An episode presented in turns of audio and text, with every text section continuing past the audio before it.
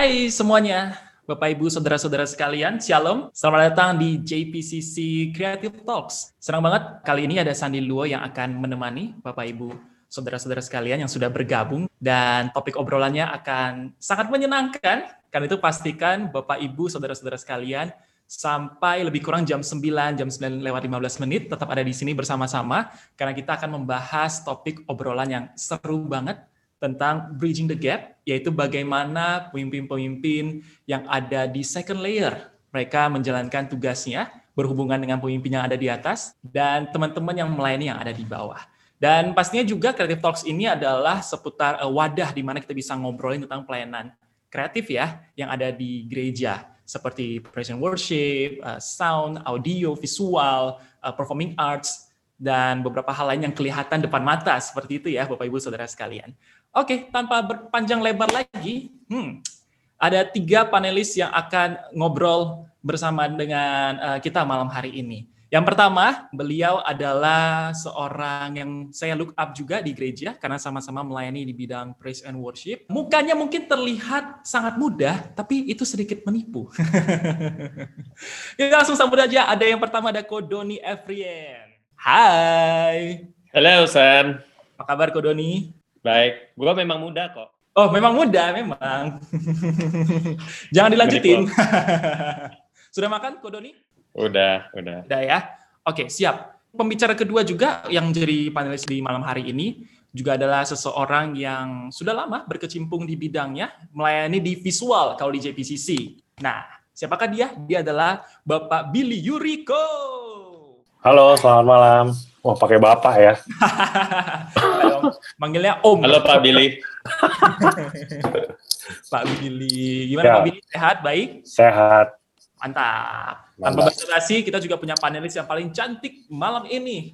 Ini bukan sekedar basa-basi karena memang aslinya cantik. Dia melayani di service management. Apa itu service management? Ini yang berhubungan dengan eh, jalannya ibadah di hari Minggu, ya kan? Kalau yang mengatur flow-nya seperti apa, apa yang harus diperhatikan detail-detailnya. Kadang yang suka ngeliat, wah habis ini pendeta naik. Nah itu juga di bawah service management. Kita sambut ada Citeresia Tiolanda. Hai. Halo, Hai. selamat malam Sehat, everyone.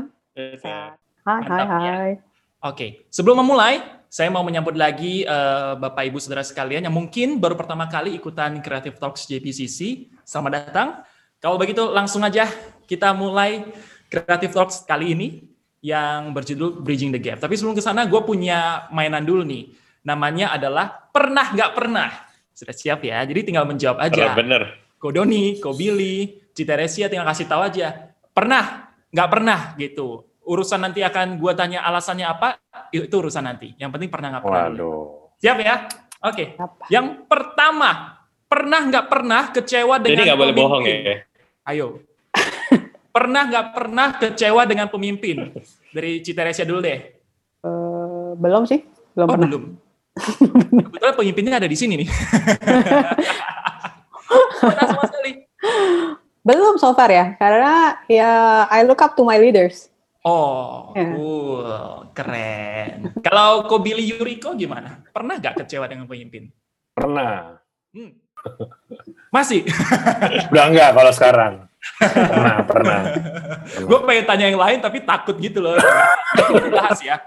Kecewanya kenapa? Pasti nanti akan kebahas di belakang. Oke. Eh, Ko Doni, pernah nggak pernah kecewa dengan pemimpin? Pernah sih, pernah. Pernah ya. Ya. Nah, kita satu divisi kita tahu lah ya. Nanti kita bahas juga ya. Next nih, pernah nggak pernah meragukan diri Anda sendiri sebagai pemimpin? Jadi kan kita tahu ya, ketiga panelis ini emang adalah pemimpin di gereja lokal kita di JPCC. Tapi pernah nggak sih kalian meragukan, kayaknya gue nggak sepantasnya ada di sini, kayaknya gue nggak cocok di sini gitu. Dari Billy Yuriko, pernah nggak? wah, pernah banget itu jawaban paling mudah kayaknya. Wah, jawaban paling mudah ya. Kenapa? Alasannya dulu deh, alasan-alasan. Dikit aja gitu. Langsung alasan banget ini. Iya, iya.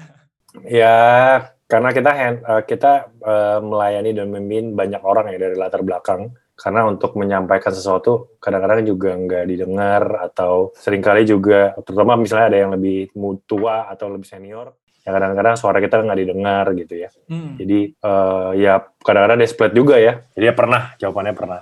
Pernah ya. Kodoni gimana Kodoni? Pernah nggak merasa? Pernah banget. Pernah banget ya. Sampai sekarang masih ngerasa seperti itu? Uh, mungkin nggak terlalu, Mhm. karena cuma mau clarify tadi itu yang pertanyaan yang sebelumnya pernah disappointed itu bukan bukan di GPCC Worship. Oh, Uh, I look up very highly to the leadership di JPCC Worship. Jadi waktu disuruh jadi pemimpin di sini kayaknya, hah, yang bener aja gitu. Karena uh, I feel like there are a lot of qualified people gitu. Tapi oke. karena mereka nggak pernah intimidasi, nggak pernah membuat uh, kita merasa nggak enak gitu. Jadi slowly uh, you gain confidence juga Hmm, with your position.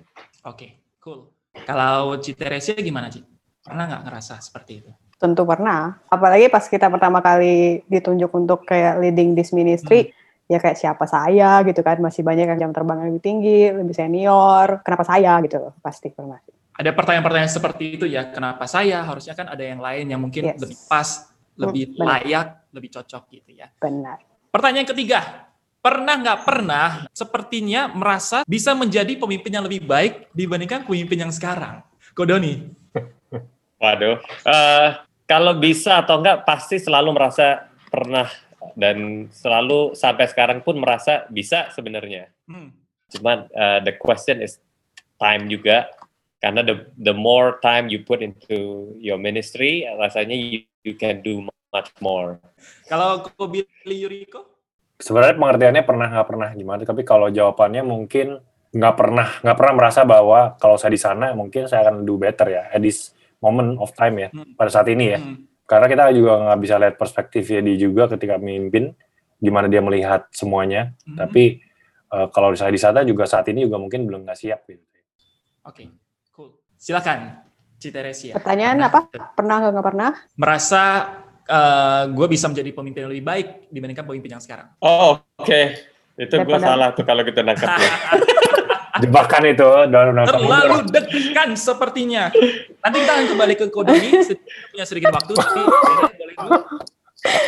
Kalau saya lebih lebih bisanya mungkin lebih menambah value kali ya. Kalau misal better apa enggak pasti barengan sama-sama kita pasti menujunya better gitu loh. Karena kan eh, salah satu value kita kan excellence. Jadi ya apa bisa apa enggak ya itu nanti. Yang penting sekarang ini add value dulu eh, untuk pemimpin yang sekarang kalau bisa gitu. Better sih pasti ya. bukan untuk diri sendiri supaya terlihat, tapi memang untuk adding value dan untuk kebaikan Yes. tim juga ya sebenarnya. ya. Yes, itu. Oke, itu. Mau klarifikasi mungkin? Actually, uh, the answer is very close to what Tere yang tadi bilang. Pernah eh, bisa atau enggak kan we don't know. Karena tadi juga Billy juga bilang we don't know the air up there. Kalau lihat dari uh, sudut pandang sekarang perspektif kita mungkin oh ya I can do this and that. Tapi nanti waktu kita di sananya kita nggak tahu. Jadi kalau bilang pernah nggak merasa mungkin belum pernah ngerasa bisa. Cuman for now in this position I wanna help out and try to add value as much as possible aja. Oke, clear ya, semuanya sudah terjawab beserta dengan alasan-alasannya. Oke, kita akan melangkah maju. Em, pengen tahu dong, Kodoni, Kobili, Ci Teresia juga melayani kan sebenarnya di masing-masing department tadi sudah saya sebutkan. Tapi boleh nggak ceritakan dulu, kalian melayani di department ini bertanggung jawabnya ke siapa? Terus siapa yang kalian pimpin yang ada di bawah kalian gitu? Silakan dari dari cewek dulu kali ya, dari Ci Teresia. Pemimpin saya direct line-nya itu creative group head. Hmm. namanya Randolph Mano. Eh, udah sering sih kayaknya beberapa kali di Creative Talks ya. Eh, sedangkan eh, bawahannya itu eh, kebanyakan sih leaders, eh, date leaders. Kalau kita ngomongnya mungkin ketua komsel gitu. Ada beberapa date facilitator DF. Nah itu juga leadership position juga itu itu biasanya yang memimpin ketua komsel juga. mm. Ada yang eh, apa namanya date members juga ada. Tapi ya kebanyakan ya in leadership po- po- position mereka. Oke, role-nya apa di pelayanan ini? Aku adalah ministry head dari service management yang memimpin service management ministry. Oke, Eh, mungkin boleh kasih tahu sedikit kepada teman-teman yang lagi mendengar Hmm. service management itu sebenarnya apa sih ngurusin apa aja gitu supaya mereka punya gambaran gitu posisi ini seperti apa kalau di gereja. Oke, eh, service management itu kita yang make sure atau meyakinkan bahwa service itu berjalan sesuai dengan rundown dan juga berkoordinasi dengan semua ministry terkait supaya service itu bisa berjalan secara berkesinambungan dan juga tepat waktu. Nah, biasanya di satu service ini ada satu service director uh, dia yang running the service dan juga make the call. Jadi kayak yang mimpin uh, jalannya kebaktian sama juga membuat keputusan jika perlu. Terus ditambah paling sedikit dua service assistant SA yang merupakan perpanjangan tangan dari SD ini. Biasanya posisinya ada di backstage ataupun di control room yang juga berhubungan dengan beberapa ministry lainnya dalam satu service. Nah, baru ya di tahun 2020 kemarin ini, kita baru set lagi namanya floor manager untuk taping service. Jadi job desk-nya sih sama, mengkoordinasikan dengan semua ministry terkait dan juga make sure uh, semuanya tepat waktu sesuai rundown Uh, tambahannya mungkin juga memfasilitasi kebutuhan tambahan untuk uh, pastor ataupun talent-talent yang ada, misalnya sediain kertas minyak. Jadi kalau misal bedak, kalau perlu ya, kalau biasanya saya akan dikabarin sama produser atau direkturnya, perlu ditacap kan nih uh, yang WL-nya atau pastornya kalau misalnya mukanya kelihatan berminyak di kamera gitu. Oke, jadi role-nya seperti itu dan Citere yang membawahi semua ini dalam tanda kutip membawahi ya yang sebagai ministry head-nya dari semua tadi yang sudah disebutkan role-role dari gereja dan directnya langsung kepada Kak Randolph ya langsung yes, ke dia. Okay. Hmm. Kalau Kobili Yuriko. Oke, okay, uh, eh, saya ministry head dari visual. Uh, saya beri direct report uh, ke Randy Manu juga, uh, bagian dari kreatif group. Uh, di tim visual mungkin lebih dikenalnya multimedia kali ya. Uh, ya di tim kita tuh ada produser, dia mempersiapkan uh, segala sesuatu berhubungan dengan baik itu uh, rekaman online ataupun rekaman live ya ketika ibadah. Jadi dia uh, mempersiapkan uh, tim, uh, materi yang ada dan lain-lain untuk uh, memastikan bahwa semuanya berjalan dengan baik. Uh, kemudian ada uh, CG, CG itu yang operate lirik dan konten untuk ditampilkan di uh, media baik itu proyektor, kemudian ada kamera operator, tentu uh, broadcast kamera operator, kemudian ada director atau switcher biasanya yang menentukan gambar yang ditampilkan di layar, kemudian ada technical support juga, uh, jadi dia mensupport kalau ada troubleshooting uh, berhubungan dengan uh, ketika production, uh, ketika syuting atau live uh, ibadah ya. Kira-kira itu part dari visual atau multimedia biasanya disebut. Oke, okay uh, berapa orang ini kalau ngomongin jumlah ya yang hmm. harus Billy pimpin orang-orang ada berapa total yang di dalam visual tim visual? Sekarang ada sekitar 145 orang ya. 145 45. orang. Ya. Yang tergabung di visual dengan berbagai role itu ya. Betul. Wow, pusing dong. itu challenge-nya challenge-nya kita ya karena uh, makin besar, makin kompleks dan cara komunikasi juga berbeda. Oke. Okay. Itu challenge challenge-nya kita. Okay, itu challenge ya. Tapi ini buat Bapak Ibu Saudara sekalian yang menyaksikan, yang mendengarkan, jangan berkecil hati ya dengan wah timnya kan banyak jadi harus gini itu. Enggak, justru semakin gede timnya semakin pusing, hmm. ya kan? Ya. Justru dengan tim yang semakin kecil kita perlu bersyukur karena komunikasinya masih enak, hmm. masih bisa cepat dan sebagainya dan uh, dengan tim yang besar juga bagaimana uh, seorang Billy menyelesaikan masalah-masalah karena gue tahu pasti ada uh, isu yang harus uh, dibereskan juga kan permasalahan-permasalahan. Tapi nanti kita akan bahas ke sana. Kodoni, role-nya apa di pelayanan di praise and worship?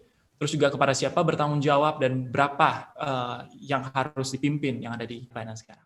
Aku uh, sekarang posisinya pretty unik karena uh, aku bantuin. I'm not a ministry head aku di bawah uh, Sari Semorangkir, which is uh, ministry head dari JPCC Worship. My position actually is a PF atau team facilitator, and I I answer to Sari dan juga kadang-kadang uh, depending on the subject, depending on the itu tergantung dari apa masalahnya dan sebagainya. Kadang-kadang aku juga deal sama Gia, creative pastor, sama juga pastor Randy si Randolph uh, yang creative head kita gitu. Jadi ya tergantung dari masalahnya.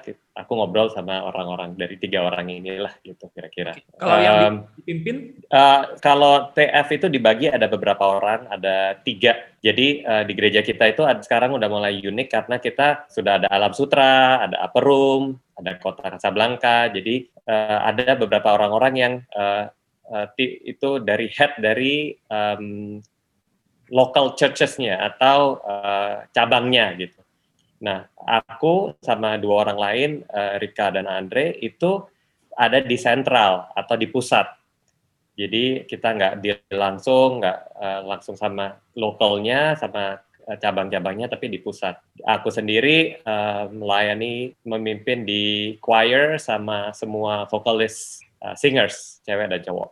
Oke, jadi Tapi le- lebih banyak di uh, bukannya uh, scheduling, bukan uh, hal-hal seperti itu, tapi mungkin lebih people management dan sebagainya. oke, oke. Posisinya ada di sentral ya, jadi lebih mengawasi keseluruhan ya, tapi di Iya, bawahnya di pusat.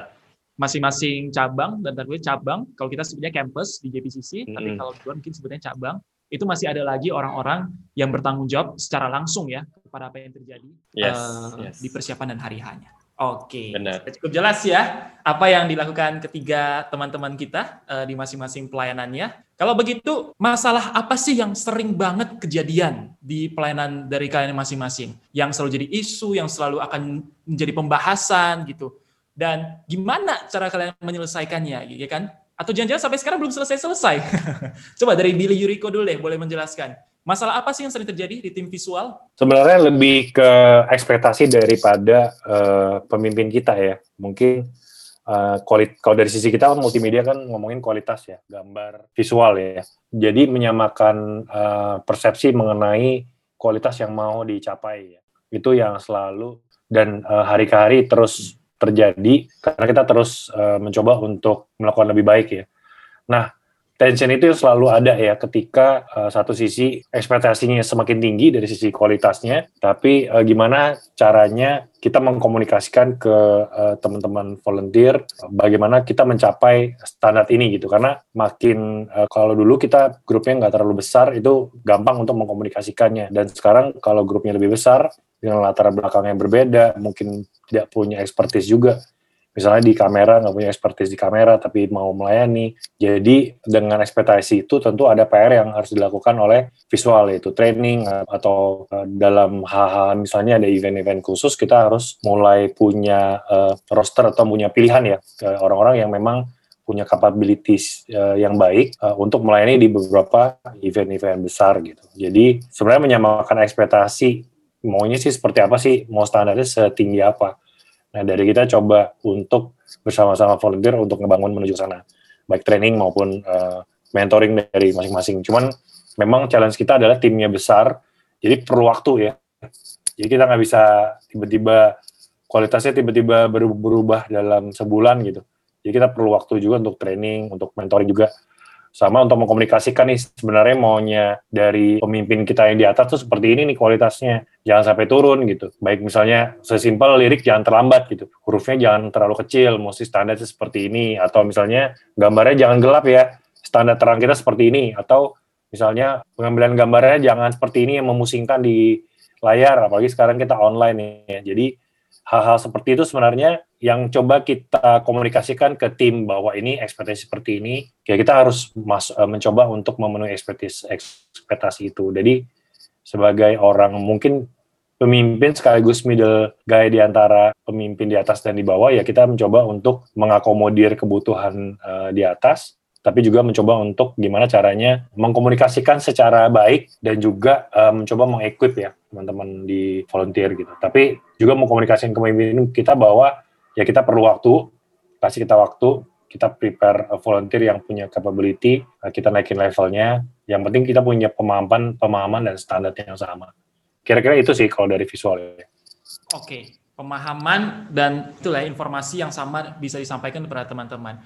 Tapi kan keseringannya prakteknya nggak seperti itu ya, Ya. Kebili ya. Apalagi ini pelayanan yang lo lakukan ini juga berhubungan dengan pelayanan yang lain. Betul, Visual itu kan juga akan mendukung praise and worship, betul. ya kan? mendukung performing arts. Ya. Nah itu cara menjembatannya gimana lagi? Karena lu juga perlu meroster orang, menjual orang, belum Betul, tentu betul. juga Available. Uh, iya itu. Gimana Iya. caranya? Apakah itu Uh, jadi isu juga? Ya kadang-kadang jadi jadi isu juga karena walaupun tim kita banyak ya, apalagi di masa-masa pandemi sekarang, tapi nggak semuanya available juga gitu. Dan sering kali yang available pun mungkin eh, dia belum sampai kepada ekspektasi yang mau yang mau kita capai ya. Jadi eh, challenge-nya sih itu. Jadi kayak contoh event-event besar kayak misalnya eh, kemarin kita bikin short movie Natal atau bikin performing art yang perlu persiapan lebih matang. Kalau awal-awal kan kita struggle begitu kita terima uh, briefingnya atau terima informasi mengenai performanya, kita udah di ujung tuh, udah tinggal produksi, udah tinggal ibadah uh, sebulan lagi kita baru terima ceritanya.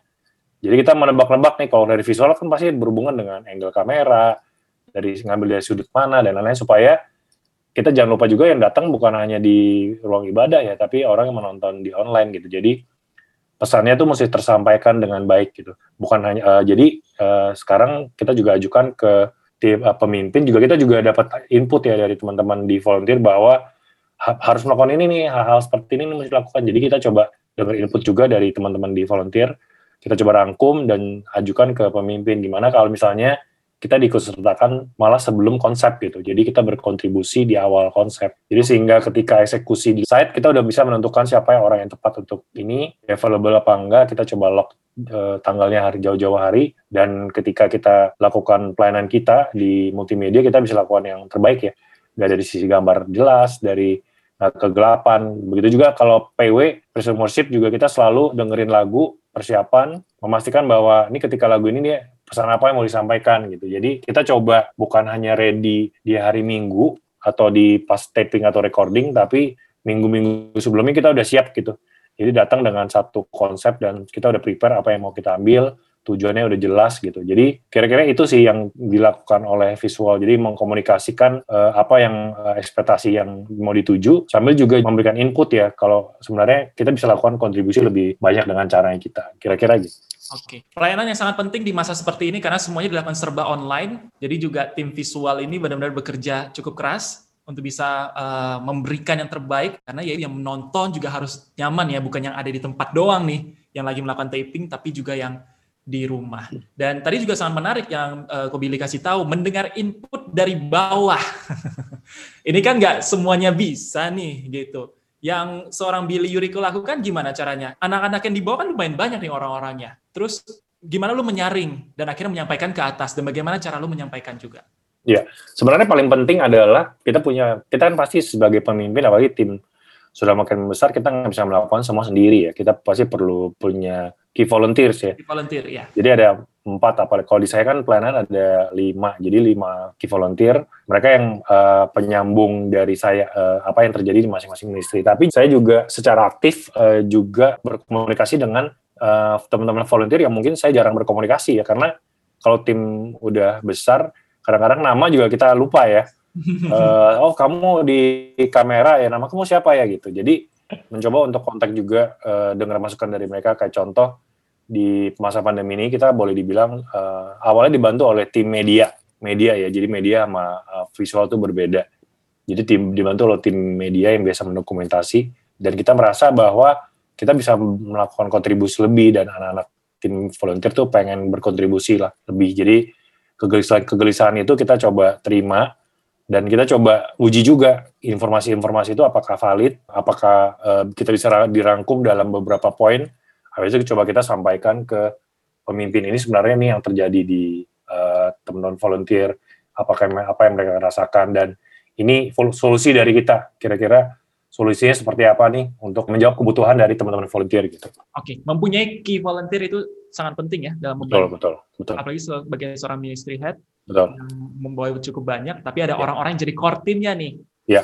Ya kan, jadi tidak pusing harus cari informasi dari mana, tapi sudah ada beberapa orang yang dipercayakan untuk bisa menyaring informasi, mencari ya. masukan, dan bagaimana cara menyampaikannya.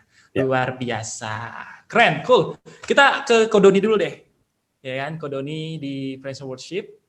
Uh, isunya ya. apa sih biasanya Kodoni yang sering dihadapi oleh teman-teman dari tim PW gitu, masalah-masalah yang paling besar, atau uh, punya gap nggak sih yang cukup lebar antara pemimpin dan juga teman-teman yang ada di bawah? Kalau isu sih seru banget ya di, di posisi aku karena aku yang di bawah aku ada satu ministry yaitu yang sangat unik yaitu choir.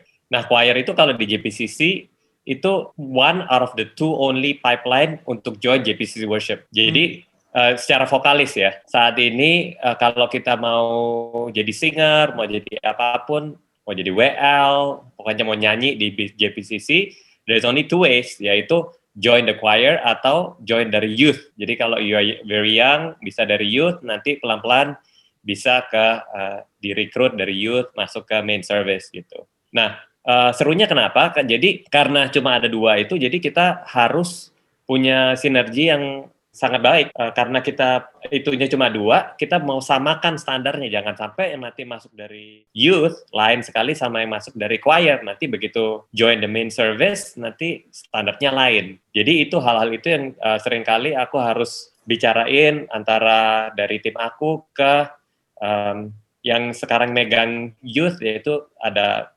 Ripka Ripka dia pegang uh, eh, JPCC Youth punya itu di bawah dia. Jadi I have to deal with uh, with her. Hmm. Jadi gimana caranya untuk menyamakan dari yang penting tuh dari youth sama dari choir itu standarnya nanti sama. Jadi jangan sampai jomplang. Oh, yang youth ternyata nyanyinya udah bisa gini tapi yang choir belum bisa atau yang choir udah bisa pecah suara, bisa baca note, yang youth semuanya cuma cuma bisa rock and roll aja itu kan lain banget gitu nanti uh, jadi kita harus ada penyamaan di dan di luar dari itu juga nanti dari choir nggak semuanya itu kan bakal di choir terus beberapa dari choir ini akan pelan-pelan kita pilih, kita evaluasi dan bisa masuk singers dan bisa masuk ke WL. Uh, what I have to do is to make sure kadang-kadang apa orang-orang yang dari choir ini begitu masuk singers nggak terus abis itu yang tadinya choir udah di latihan segala macam terus masuk singer terus nggak ada nggak ada program sama sekali gitu jadi ya, aku harus selalu check and balance dari beberapa ministry itu itu problem yang uh, aku harus selalu deal with kedua karena JPCC Worship ini tadi Billy bilang dia punya ministry aja udah 100 145 orang ya sekitar 140-an orang uh, eh, JPC Worship uh, hampir 300 ya mungkin ya. Choir sendiri aja udah 100, terus musicians and uh, singers itu semua itu hampir 300 kali ya. I might be wrong, tapi ya 200 lebih lah, I know. Jadi itu sangat besar. Jadi kalau nggak hati-hati, kalau kita nggak membangun tim yang baik, uh, kalau di choir itu ada clan leaders, kalau di singers, uh, male singers sama female singers itu ada uh, team leaders kalau kita nggak membangun tim yang baik, orang-orang uh, ini kan dia just human. Uh, before they are volunteers, they are people, and we value the people more than just them being in the ministry. Jadi kita mau make sure that they are growing, that they are being taken care of. Jadi kita mau make sure that they are healthy spiritually and mentally. Jadi tugas aku sering kali ya itu my take is I I have to help yang directly above me kan Sari I have to help Sari as much as possible supaya dia nggak pusing karena dia kan banyak sekali ya uh, tadi di JPC Worship tuh ada orangnya banyak sekali jadi I have to help her untuk solve some problems yang aku bisa solve jadi sering kali uh, dari anak-anak choir ada problem ini, orang ini ada masalah ini, masalah dengan itu, masalah dengan ini. The clan leaders will come and talk to me. Mereka bakal bilang sama aku gitu, oh ada ini, ada masalah ini, orangnya gini, gini, gini. Uh, jadi aku coba bicarain sama orang itu aku coba untuk bisa uh, ya talk to that person. Bicara baik-baik pastoring that person. Jadi yang seperti aku bilang uh, di awal tugas aku sih lebih banyak people management lebih dari event lebih dari program. Jadi aku lebih banyak caring for the people orang-orang lain yang orang-orang di ministry-ministry itu. Dan memastikan team leaders sama clan leadersnya itu juga mereka bukan cuma memimpin tapi mereka juga dapat sesuatu Okay. Jadi kita sering kali harus uh, kumpul, huddle, saling menguatkan. Hmm. Um, kalau problem sebenarnya not much problem antara komunikasi. Yang penting aku harus position myself, memposisikan diri aku untuk ada di jembatan itu antara orang-orang yang punya masalah-masalah itu.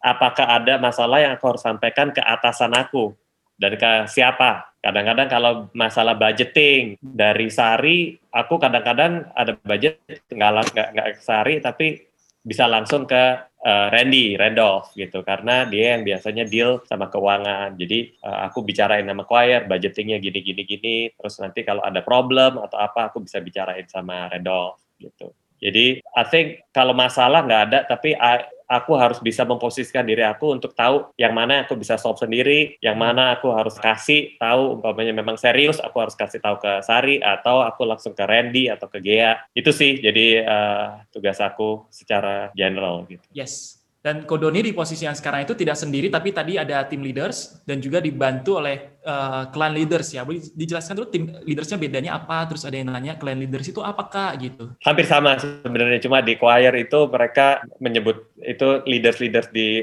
umpamanya soprano ada leadernya soprano, tenor ada leadernya tenor, alto ada leadernya alto dan sebagainya. Terus mereka ada bagian uh, lain-lainnya lah, ada yang bagian manajemen, ada yang bagian admin, ada yang bagian keuangannya. Um, itu menjadi clan leaders. Sama di singers. Uh, kita juga buat sistem jadi setiap uh, orang tuh kira-kira bisa taking care 3 sampai 4 orang. Oh, okay. jangan sampai jangan sampai ada satu orang pun yang di singers tuh yang nggak ada yang nelponin, nggak okay. ada yang caring gitu. Okay. Jadi kita harus set up leaders-leaders di di ministry tersebut. Ya. Gitu.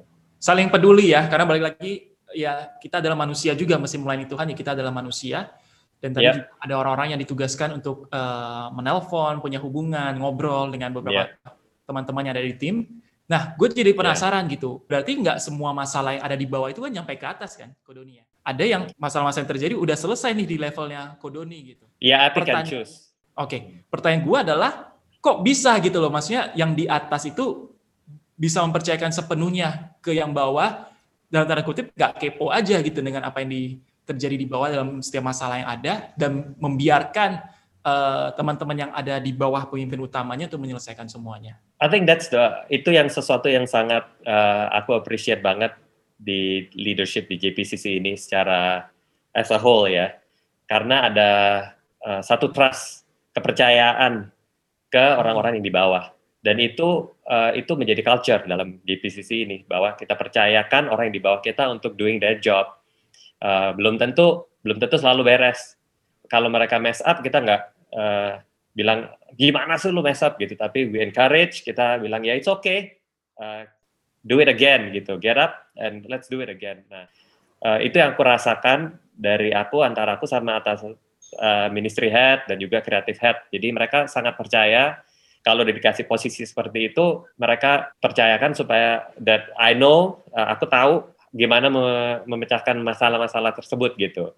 I think uh, biggest thing karena kita sering huddle juga dari hmm. aku sama uh, ministry head sama creative head. In fact, baru kemarin kita baru ada huddle gitu. Jadi kita sering banget huddle, curhat, uh, saling ngobrol gitu. Dari kita ngobrol-ngobrol gitu kan uh, dari atasan-atasan aku juga bisa tahu hati aku seperti apa. Jadi mereka bisa percayain gitu.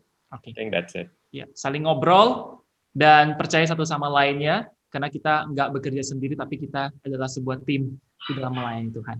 Luar biasa. Yeah. Oke, kita ke Citeresia. Gimana sih? Isu apa yang sering terjadi di service management uh, di pelayanan yang satu ini? Apalagi tadi sempat di awal dikasih tahu kalau banyak juga yang tergabung dalam service uh, management ini adalah orang-orang yang juga sudah posisinya ketua komsel, ya kan? Juga uh, kita sebenarnya date ya ada date leader ada date facilitator. Apa isu yang sering terjadi? Karena kan semakin banyak pemimpin biasanya semakin banyak suara dan semakin banyak ide tuh. Ya benar um, biasanya kan kalau kita itu menerima feedback biasanya ya kalau yang perlu dikomunikasikan. Nah, dalam mengkomunikasikan informasi baik dari atas ke bawah ataupun bawah ke atas, yang perlu dilakukan adalah yang pertama pastinya saya harus filter informasinya apakah hmm. informasi ini perlu disampaikan atau enggak? Dan kalau perlu disampaikan harus tahu juga cara melakukan penyampaiannya. Karena yang paling penting itu cara penyampaiannya. Apa yang kita akan disampaikan itu sebenarnya informasi atau fakta ya. Uh, informasi bisa berupa berita pengumuman termasuk feedback and review ya. Nah fakta sih ya fakta. Tapi cara kita menyampaikannya itu uh, terutama feedback itu akan mempengaruhi hasilnya Uh, dua hal yang perlu saya selalu ingat dalam menyampaikan itu intonasi kita bicara dan juga pemilihan kata yang tepat kalau menurut saya ya. Karena kita tidak pernah tahu suasana hati lawan bicara kita tuh seperti apa. Apakah mood dia sedang baik sehingga semua feedback bisa diterima dengan baik. Kalau moodnya lagi tidak baik, suasana hatinya lagi penuh, kerjaan penuh, bawaannya pengen marah, hasil uh, hasilnya ya semuanya yang disampaikan ya bisa aja jadi tidak diterima dengan baik. Uh, contohnya nih, pernah uh, beberapa tahun yang lalu ya, uh, biasanya tiap selesai kebaktian JPCC itu selalu melakukan review dan menyampaikan feedback jika diperlukan. Nah, saya ini pernah mendapat feedback dari produser, uh, di bawahnya si Billy juga ya, uh, dan feedbacknya itu uh, bahwa mereka telat melakukan visual check, jadi yang bisa white balance dan seterusnya ya karena cek soundnya itu juga selesainya itu telat. Nah, ini kan saya dapat infonya dari WA kan ya, fakta bahwa kita telat melakukan visual check. Langsung aja lah saya forward itu message ke SD yang bertugas dan langsung bertanya, saya dapat feedback nih kalau kita telat, boleh tahu kenapa? Nah ingat kita kan nggak tahu ya suasana hati mereka tuh pas baca tuh kayak gimana. Pas saya forward pun saya juga nggak kepikiran ya gimana bakal diterima gitu beritanya. Jadi uh, langsung dibales. Emang siapa yang bilang telat? Kan kita yang jadi timekeeper. Kita yang menentukan apakah sound check itu selesai atau belum. Atau ada masalah teknis atau enggak. Kok bisa kita dibilang telat? Nah responnya ini kan kesannya jadi langsung defensif gitu kan. Jadi harus saya jelaskan lagi nih, uh, oh semua kreatif tim itu dapat rundownnya sama dari jam segini segini waktunya sound check, jam segini sampai segini waktunya visual check. Nah mereka menganggap itu telat ya karena mereka mengacu pada rundown tersebut. Harusnya slot mereka uh, visual check ya itu miss jamnya segitu gitu loh. Nah pas saya bilang kayak gitu orang bilang Oke, okay, I see. Uh, Oke, okay, jadi dijelaskan lah ya. Iya, tadi ada uh, kendala isu teknis, kabel, dan sebagainya. Makanya sound check-nya mundur. Makanya itu ada imbas, hal-hal selanjutnya pun akan telat. Saya bilang, oh, oke, okay, thank you ya untuk klarifikasinya. Terus dia langsung bilang kayak gini, Tere, saya akan sangat menghargai apabila kamu bertanya dari sudut pandang saya juga gitu di awal pembicaraan. Apa yang terjadi, jangan langsung kesannya itu kayak ditujukan untuk mencari kesalahan dari pihak kita gitu loh. Nah di saat itu saya langsung sadar bahwa uh, pemilihan kata-kata itu penting juga karena tidak ada seorang pun yang suka seolah dituduh gitu loh. Again ya, it's a fact, fakta bahwa uh, bahwa telat gitu. Tapi ada hal-hal di balik itu yang menyebabkan telat. Jadi uh, jangan menghakimi lah istilahnya dalam pemilihan kata-kata karena selalu ada dua sisi dalam sebuah cerita. Berarti akan lebih baik misalnya kalau saya bertanya, halo uh, so and so gitu. Gimana proses persiapan tadi pagi? Apakah ada hal-hal yang perlu saya note? Nah, kalau misalnya dia dijelaskan nih, oh iya tadi ada kendala teknis nih, makanya telat semua persiapannya. Kan udah tuh jawab, dapat jawabannya juga kan. Jadi ya, uh, yaitu pemilihan kata dalam penyampaiannya harus tepat dan juga intonasinya juga dijaga gitu. Itu salah satunya ya. ya.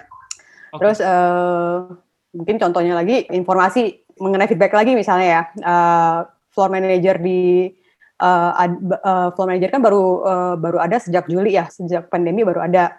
Nah, flow manager ini kayak kita tuh masih meraba-raba nih tugasnya ngapain karena ini sesuatu yang baru. Tentunya kalau misalnya sesuatu yang baru, kita terjunkan yang lebih senior lah istilahnya dari segi jam terbang ya. Yang pasti lebih banyak uh, jam terbangnya, pengalamannya untuk bertugas supaya mereka tuh bisa dapat kisi-kisinya nih, tugasnya ngapain kira-kira. Nah, pada saat uh, perdana semuanya yang yang turun tangan itu yang kayak senior ya pasti semuanya lebih cepat tanggap karena yang senior udah punya feeling mereka tuh harus ngapain aja. Hmm. Jadi istilahnya ya kayak produser, direkturnya itu udah terbiasa dengan uh, kecepatan sama kecekatan yang ada ya. Uh, nah, ketika kita mulai rotasi dengan semua volunteer yang ada, baru nih ada feedback.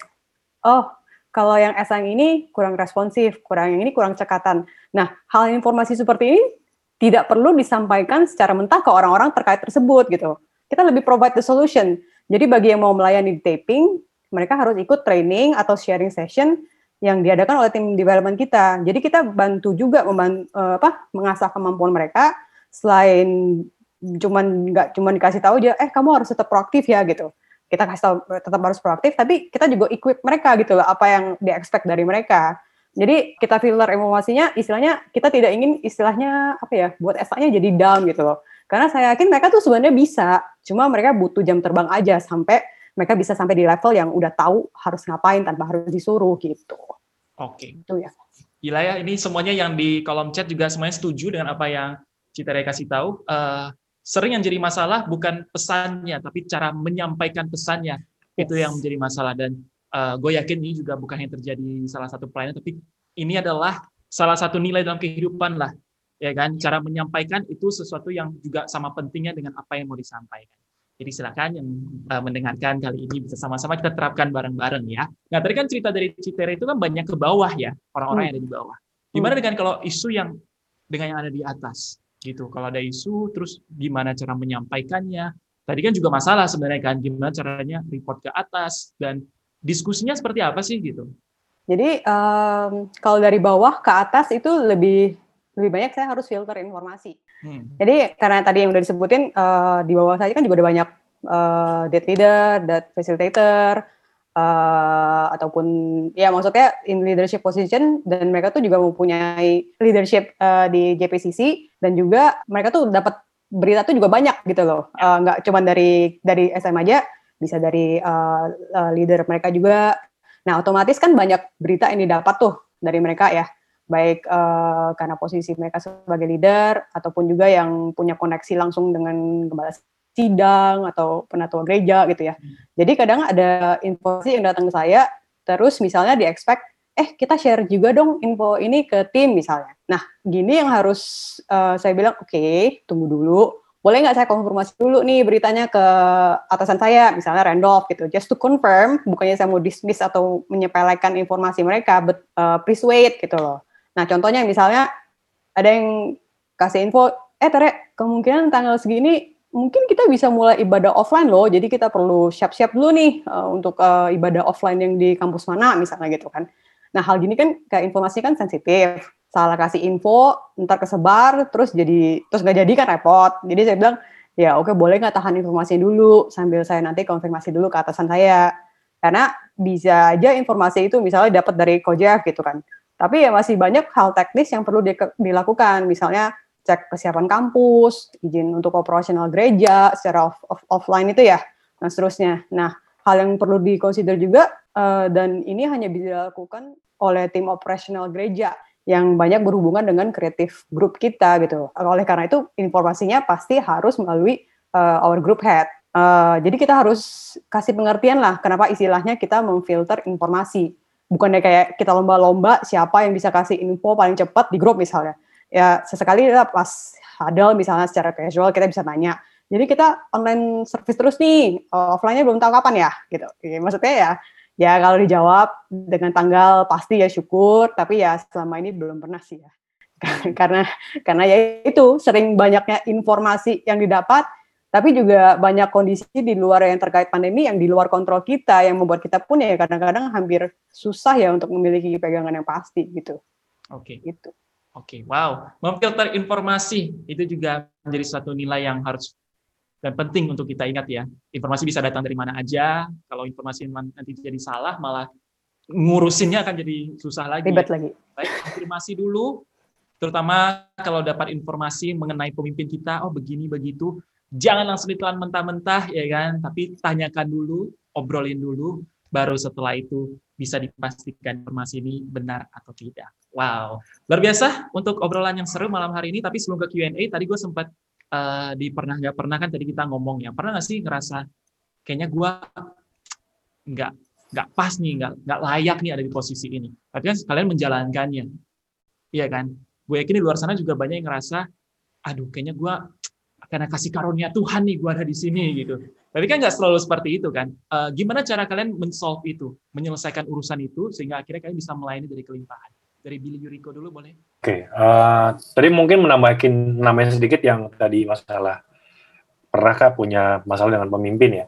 Masalah kalau dari aku aku tambah sedikit tadi sebelum menjawab yang pertanyaan yang dari Sandi, hmm. uh, mungkin di awal ketika kita diberi kesempatan untuk memimpin pasti ada cara kita menyesuaikan cara kita mengkomunikasikan dengan pemimpin ya berkomunikasi dengan pemimpin karena setiap orang kan berbeda-beda secara karakter ya mereka juga manusia juga bukan Tuhan yang bisa ngerti semua hal.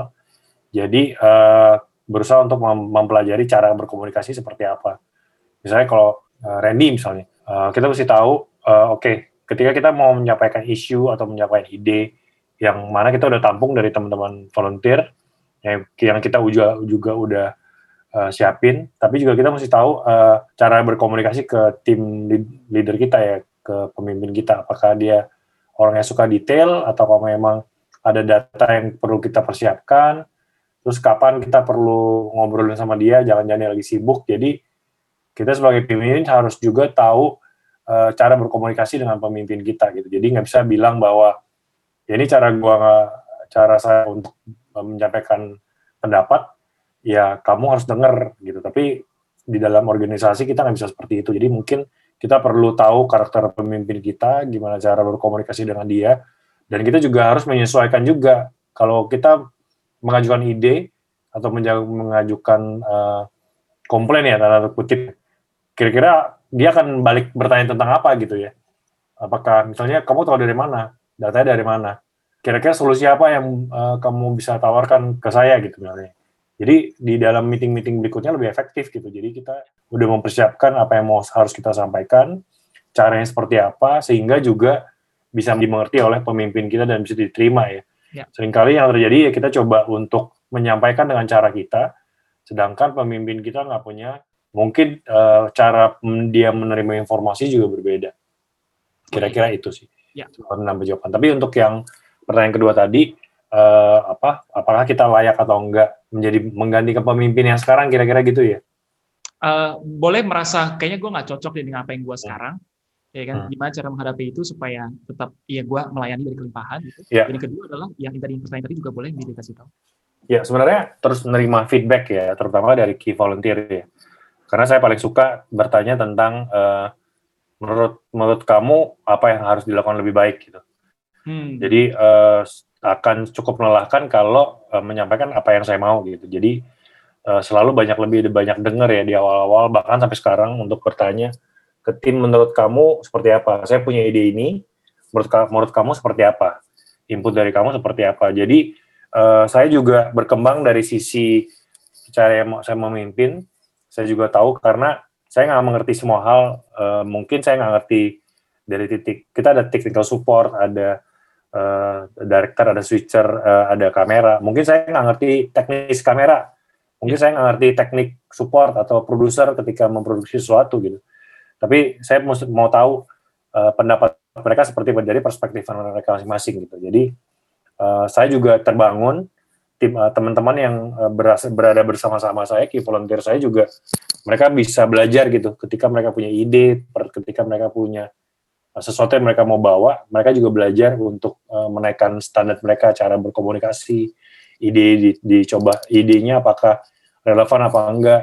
Terus kemudian juga harus juga uh, ya karena kita nggak bisa nilai diri kita sendiri ya, paling gampang ya uh, sama uh, teman sekeliling kita, bahkan juga mungkin boleh ditanya ke pemimpin kita gitu. Apakah uh, ekspektasi seperti apa yang mau dari kita pribadi gitu ya? Uh, apakah ini cukup? Apakah uh, apakah ada sesuatu yang mesti diperbaiki baik pribadi atau organisasi yang uh, saya pimpin gitu, tim yang saya pimpin gitu. Jadi selalu beraktif bertanya sih sebenarnya, uh, cek kan, uh, uh, cek dan koreksi uh, diri sendiri dan supaya teman-teman bisa lihat juga bahwa pemimpinnya juga belajar bukan orang yang bisa semua, tapi mau belajar. Jadi ketika mereka pada saatnya menggantikan saya, mereka tahu tahu juga uh, gimana cara kerja saya dan gimana seorang pemimpin seharusnya gitu. Jadi mereka nggak melalui step-step dari awal lagi untuk belajar dengar dan lain-lain gitu. Kira-kira gitu kali ya. Wow. Pemimpin bukan superhuman ya. Iya. Yeah. Butuh bantuan juga dan ini yang sangat penting. Bertanya bukan berarti lemah, iya kan? Justru dengan bertanya kita bisa memperbaiki diri kita, memperlengkapi dan menjadikan Betul. Ya. lebih baik lagi. Bertanya bisa kepada pemimpin kita ataupun kepada orang yang bersama-sama dengan kita melayani. Ya. Ya. ada yang di bawah kita. Saya rasa itu cukup untuk menjawab pertanyaan tadi. Karena sekarang kita akan masuk ke Q&A. Yang pertama, ini ada pertanyaan buat Cita Resia, bagaimana bekerja sama antar ministrinya. Jadi lebih ke ini ya Ci, ya mungkin ya, service management kan berhubungan dengan hampir keseluruhan. Hmm. Ya kan? Gimana caranya kerjasama dengan keseluruhan itu? Yang pasti kita harus lebih proaktif, selalu memperkenalkan diri. Uh, saya Teresia dari service management. Oke, okay, uh, eh, kita akan berhubungan misalnya dengan diri operator ataupun produser atau dengan tim PW yang biasanya akan oke okay, it's time for for you guys untuk masuk ke panggung gitu kan. Ya ya lebih ini aja lebih proaktif uh, selalu senyum. Ya kita selalu ngingetin selalu senyum gitu ya. Karena kita sering carry cap kok jutek banget jutek banget sih kalian? gitu. Uh, mukanya kayak tegang gitu kan.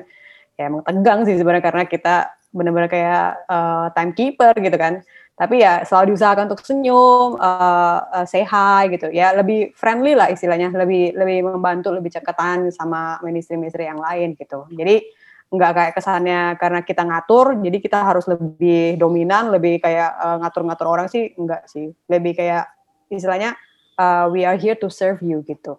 Oke. Okay. Dan dulu sebelum pandemi, gue ingat banget kita setiap hari Jumat itu ada buat yang melayani di hari Minggu itu ada Zoom yes. bareng gitu ya. Oh iya benar-benar. Ada Zoom meeting juga. Jadi uh, kita itu berkoordinasi untuk semua ministry yang terkait. Biasanya sih under kreatif ya. Yeah. Dari visual, lighting, sound, tim PW, kita akan koordinasiin uh, apa aja misalnya kayak uh, step-step uh, soundchecknya, visualnya, uh, kebutuhan liriknya apa aja, kan itu kita harus koordinasikan juga sama timnya si Billy. Kemudian uh, misalnya kalau ada choir, uh, perlu kita persiapkan uh, mic-nya juga. Uh, kita harus kayak ingetin lah istilahnya, lebih kayak ngingetin ke semua ministry terkait, apakah semua persiapan itu untuk uh, untuk uh, ngelem istilahnya, uh, istilahnya uh, service ini supaya berjalan lancar, apakah sudah dilakukan atau belum gitu, gitu sih. Oke, jadi ada uh, semacam meeting untuk kita sama-sama dalam uh, halaman yang sama ya. Kita yes mengerti apa yang terjadi di hari Minggu. Jadi ketika hari Minggu datang, nggak bengong, nggak bingung. Ini ya. siapa yang melayani, pendetanya siapa, tim PW choir apa enggak itu nggak kagok, tapi sudah jelas di hari Jum hari Jumat atau hari Kamis ya di Zoom meeting yang ya. dibikin. Oke, seperti itu ya eh, teman-teman uh, yang tadi sudah bertanya. Lanjut, ini ada pertanyaan selanjutnya. Uh, bagaimana menjalankan huddle tetap maksimal selama masa pandemi? Mungkin tadi yang bahas huddle uh, ada Billy dan Kodoni. Kita ke Kodoni dulu deh. Uh, huddle supaya tetap bisa maksimal di masa pandemi seperti ini. Gimana Kodoni? Uh, I think huddle itu di masa pandemi ini menjadi satu hal yang sangat krusial ya, satu hal yang sangat penting karena kita nggak lihat orang secara fisik.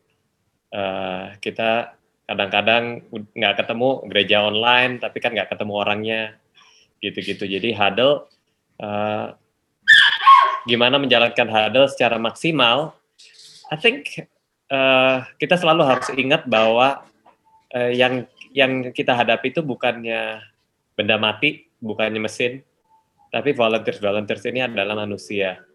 Di masa pandemi ini, yang paling penting yang mereka kita harus kedepankan adalah tetap uh, orangnya. Gimana how they are doing, gimana kabarnya, apakah mereka oke, okay, apakah mereka uh, masih ada perlu kebutuhan apa atau enggak.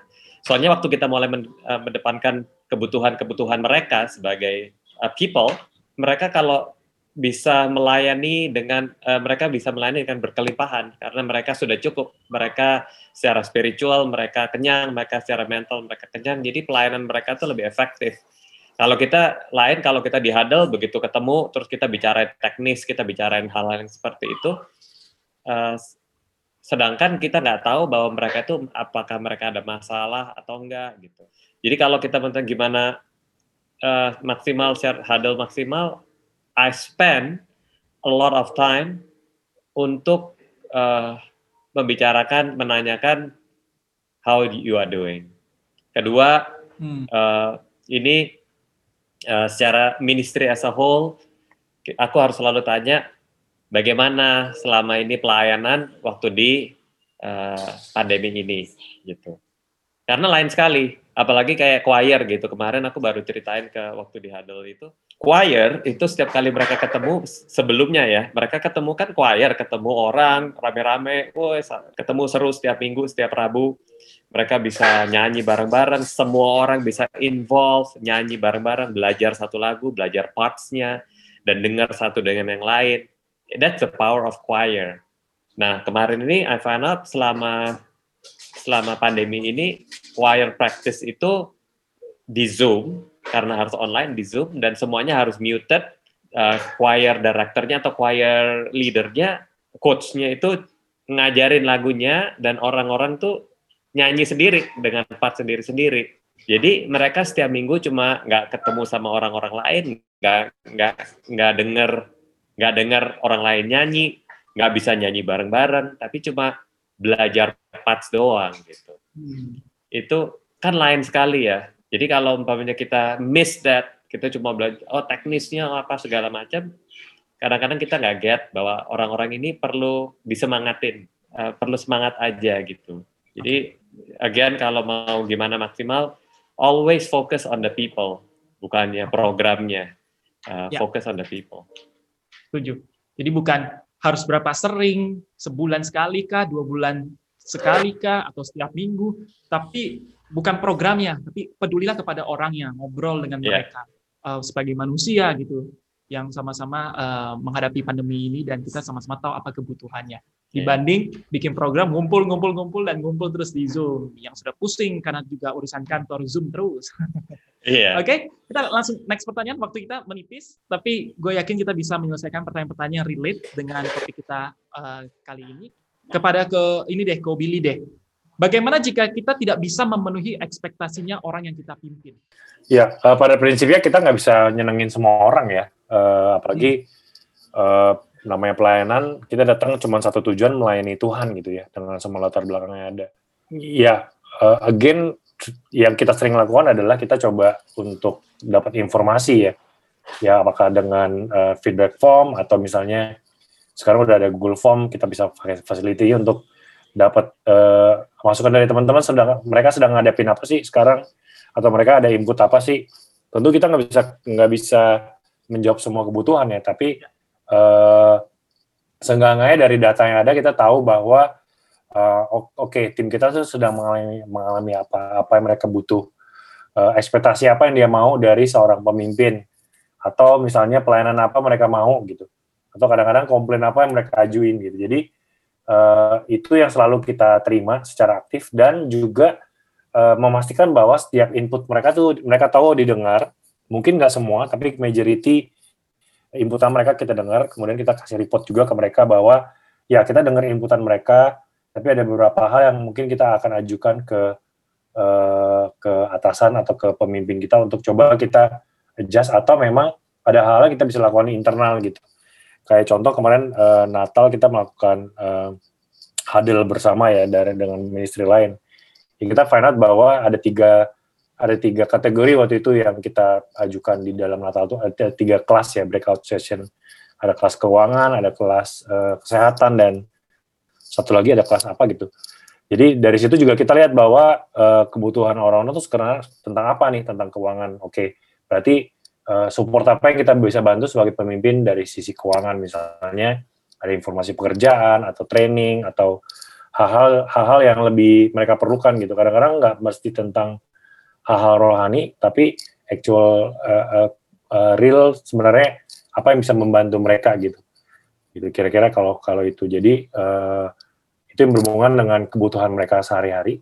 Tapi yang uh, paling mendasar adalah uh, mereka punya punya pemikiran bahwa ini kan satu pelayanan berjalan bersama-sama. Jadi uh, mereka juga perlu belajar bahwa uh, tidak semua hal yang mereka mau dan perlu uh, bisa mereka dapat di pelayanan ini. Bahkan tujuannya mereka melayani kan sebenarnya untuk untuk bukan untuk, untuk mendapatkan sesuatu ya, tapi untuk berkontribusi sesuatu. Jadi pembahasan itu adalah pembahasan yang selalu kita bahas selalu ya di dalam tim. Selalu kita over communicate tentang ya jangan berharap banyak atau berharap tapi justru kita berkontribusi sesuatu. Nah, kontribusi seperti apa yang mereka mau? Yang mereka boleh mengajukan ke kita sebagai leader dan leader coba mengakomodir kira-kira prioritas apa yang mau kita lakukan kira-kira. Oke. Betul. Terus menerus dikomunikasikan tentang Betul, itu penting. Bukan apa yang akan kita dapatkan, tapi apa yang bisa kita berikan dan kita Betul. kontribusikan ke dalam pelayanan kita. Betul. Pastinya akan sering ketemu yang begini-begini, uh, yang di bawah mungkin tidak senang dengan apa yang diputuskan, ya. tidak happy, tapi balik lagi selama kita punya goal yang sama, ya kan, kita melayani Tuhan yang sama, kita ya. punya standar yang sama juga dalam melayani, harusnya semua ini bisa uh, teratasi. Ini mungkin pertanyaan terakhir yang bisa kita bahas kali ini ya ada beberapa pertanyaan yang mungkin tidak bisa terjawab sekarang. Nanti bisa akan dijawab di uh, Creative Talks lainnya karena setelah gue baca-baca ini ada hubungannya dengan next topic yang akan kita bahas di Creative Talks bulan depan. Dan juga ada beberapa pertanyaan yang sebenarnya jawabannya sudah ada di Creative Talks bulan-bulan sebelumnya yang bisa kamu dengarkan di semua platform uh, streaming ya, Bapak Ibu Saudara sekalian. Ini terakhir hmm, Citere mungkin bisa memberikan jawabannya ya. Bagaimana caranya memimpin tim dengan anggota yang lebih dewasa secara umur daripada kita? Kuncinya cuma satu sih, build relationship with them. Karena yep. kalau misalnya kamu cuman based on kayak I'm your leader gitu ya, saya uh, saya posisinya di atas kamu, kamu you have to listen to me, ya yang nggak akan work at all gitu loh.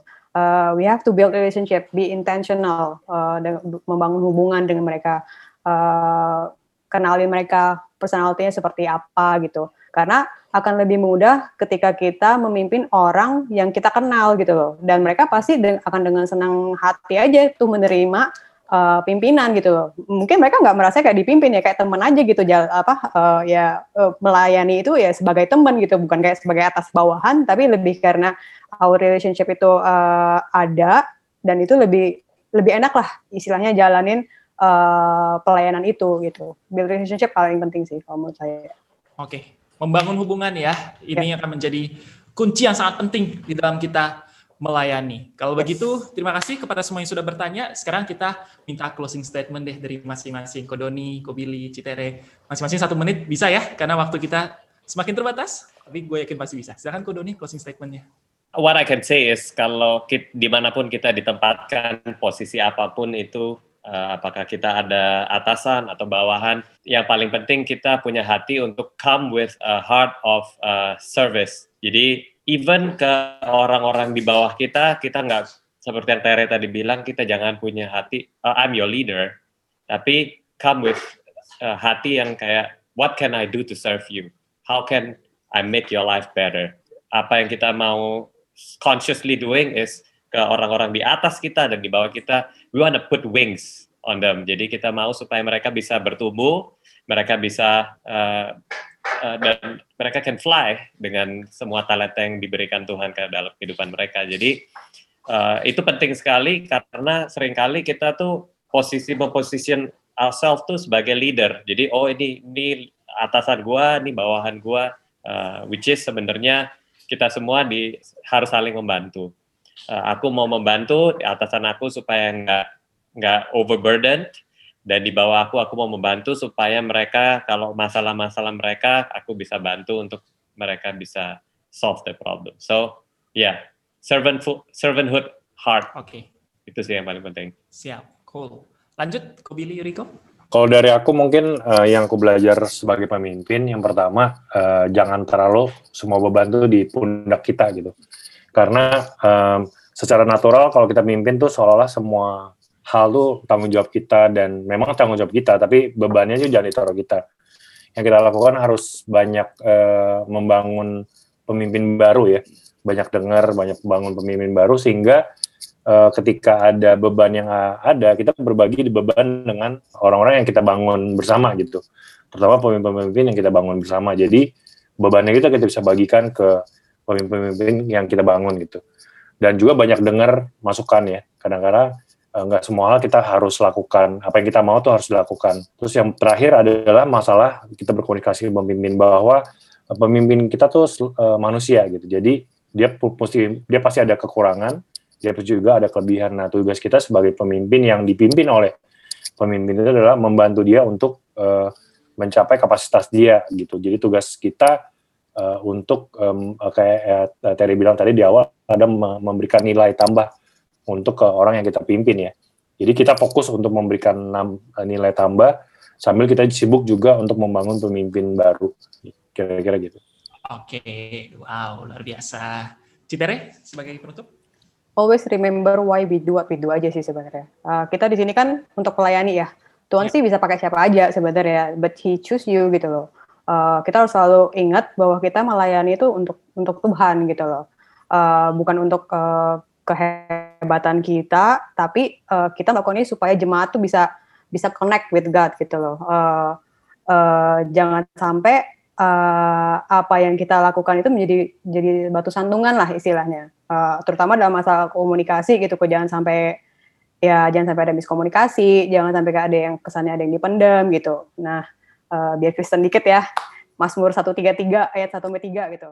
Alangkah baiknya dan indahnya apabila saudara-saudara diam bersama dengan rukun, sebab ke sanalah Tuhan memerintahkan berkat kehidupan untuk selama-lamanya. Jadi always uh, apa ya, remember aja uh, yang waras ngalah gitu kan, uh, yang yang always uh, tahulah apa yang kita lakukan ini sebenarnya untuk Tuhan, bukan untuk manusia gitu.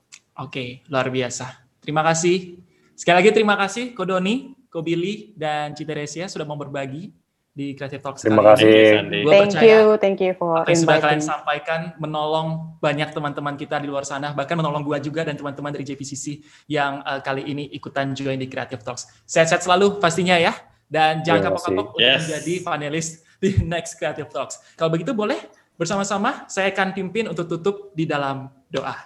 Tuhan Yesus, terima kasih kami bersyukur untuk malam hari ini. Kami boleh belajar banyak dari teman-teman kami tentang bagaimana kami harus uh, menjaga hubungan kami dengan sesama kami yang melayani, uh, dengan pemimpin kami, dengan orang-orang yang kami pimpin ya Tuhan. Ajar kami untuk selalu mau menjadi orang yang terbuka, untuk mau terus berkembang, untuk mau terus belajar, dan ajar kami juga ya Tuhan untuk mempunyai hati yang peduli satu dengan yang lain. Terima kasih Tuhan, kami bersyukur untuk kali ini. Kami mau tetap berserah dan bersandar hanya pada Engkau. Demi Tuhan Yesus kami berdoa. Haleluya. Amin. Amin. Terima kasih semuanya yang sudah hadir. Amin. Ko Doni, Ko Billy, Citeresia. Sehat-sehat selalu. Terima kasih. Thank you semua. Sekalian Terima kasih semua. Berada.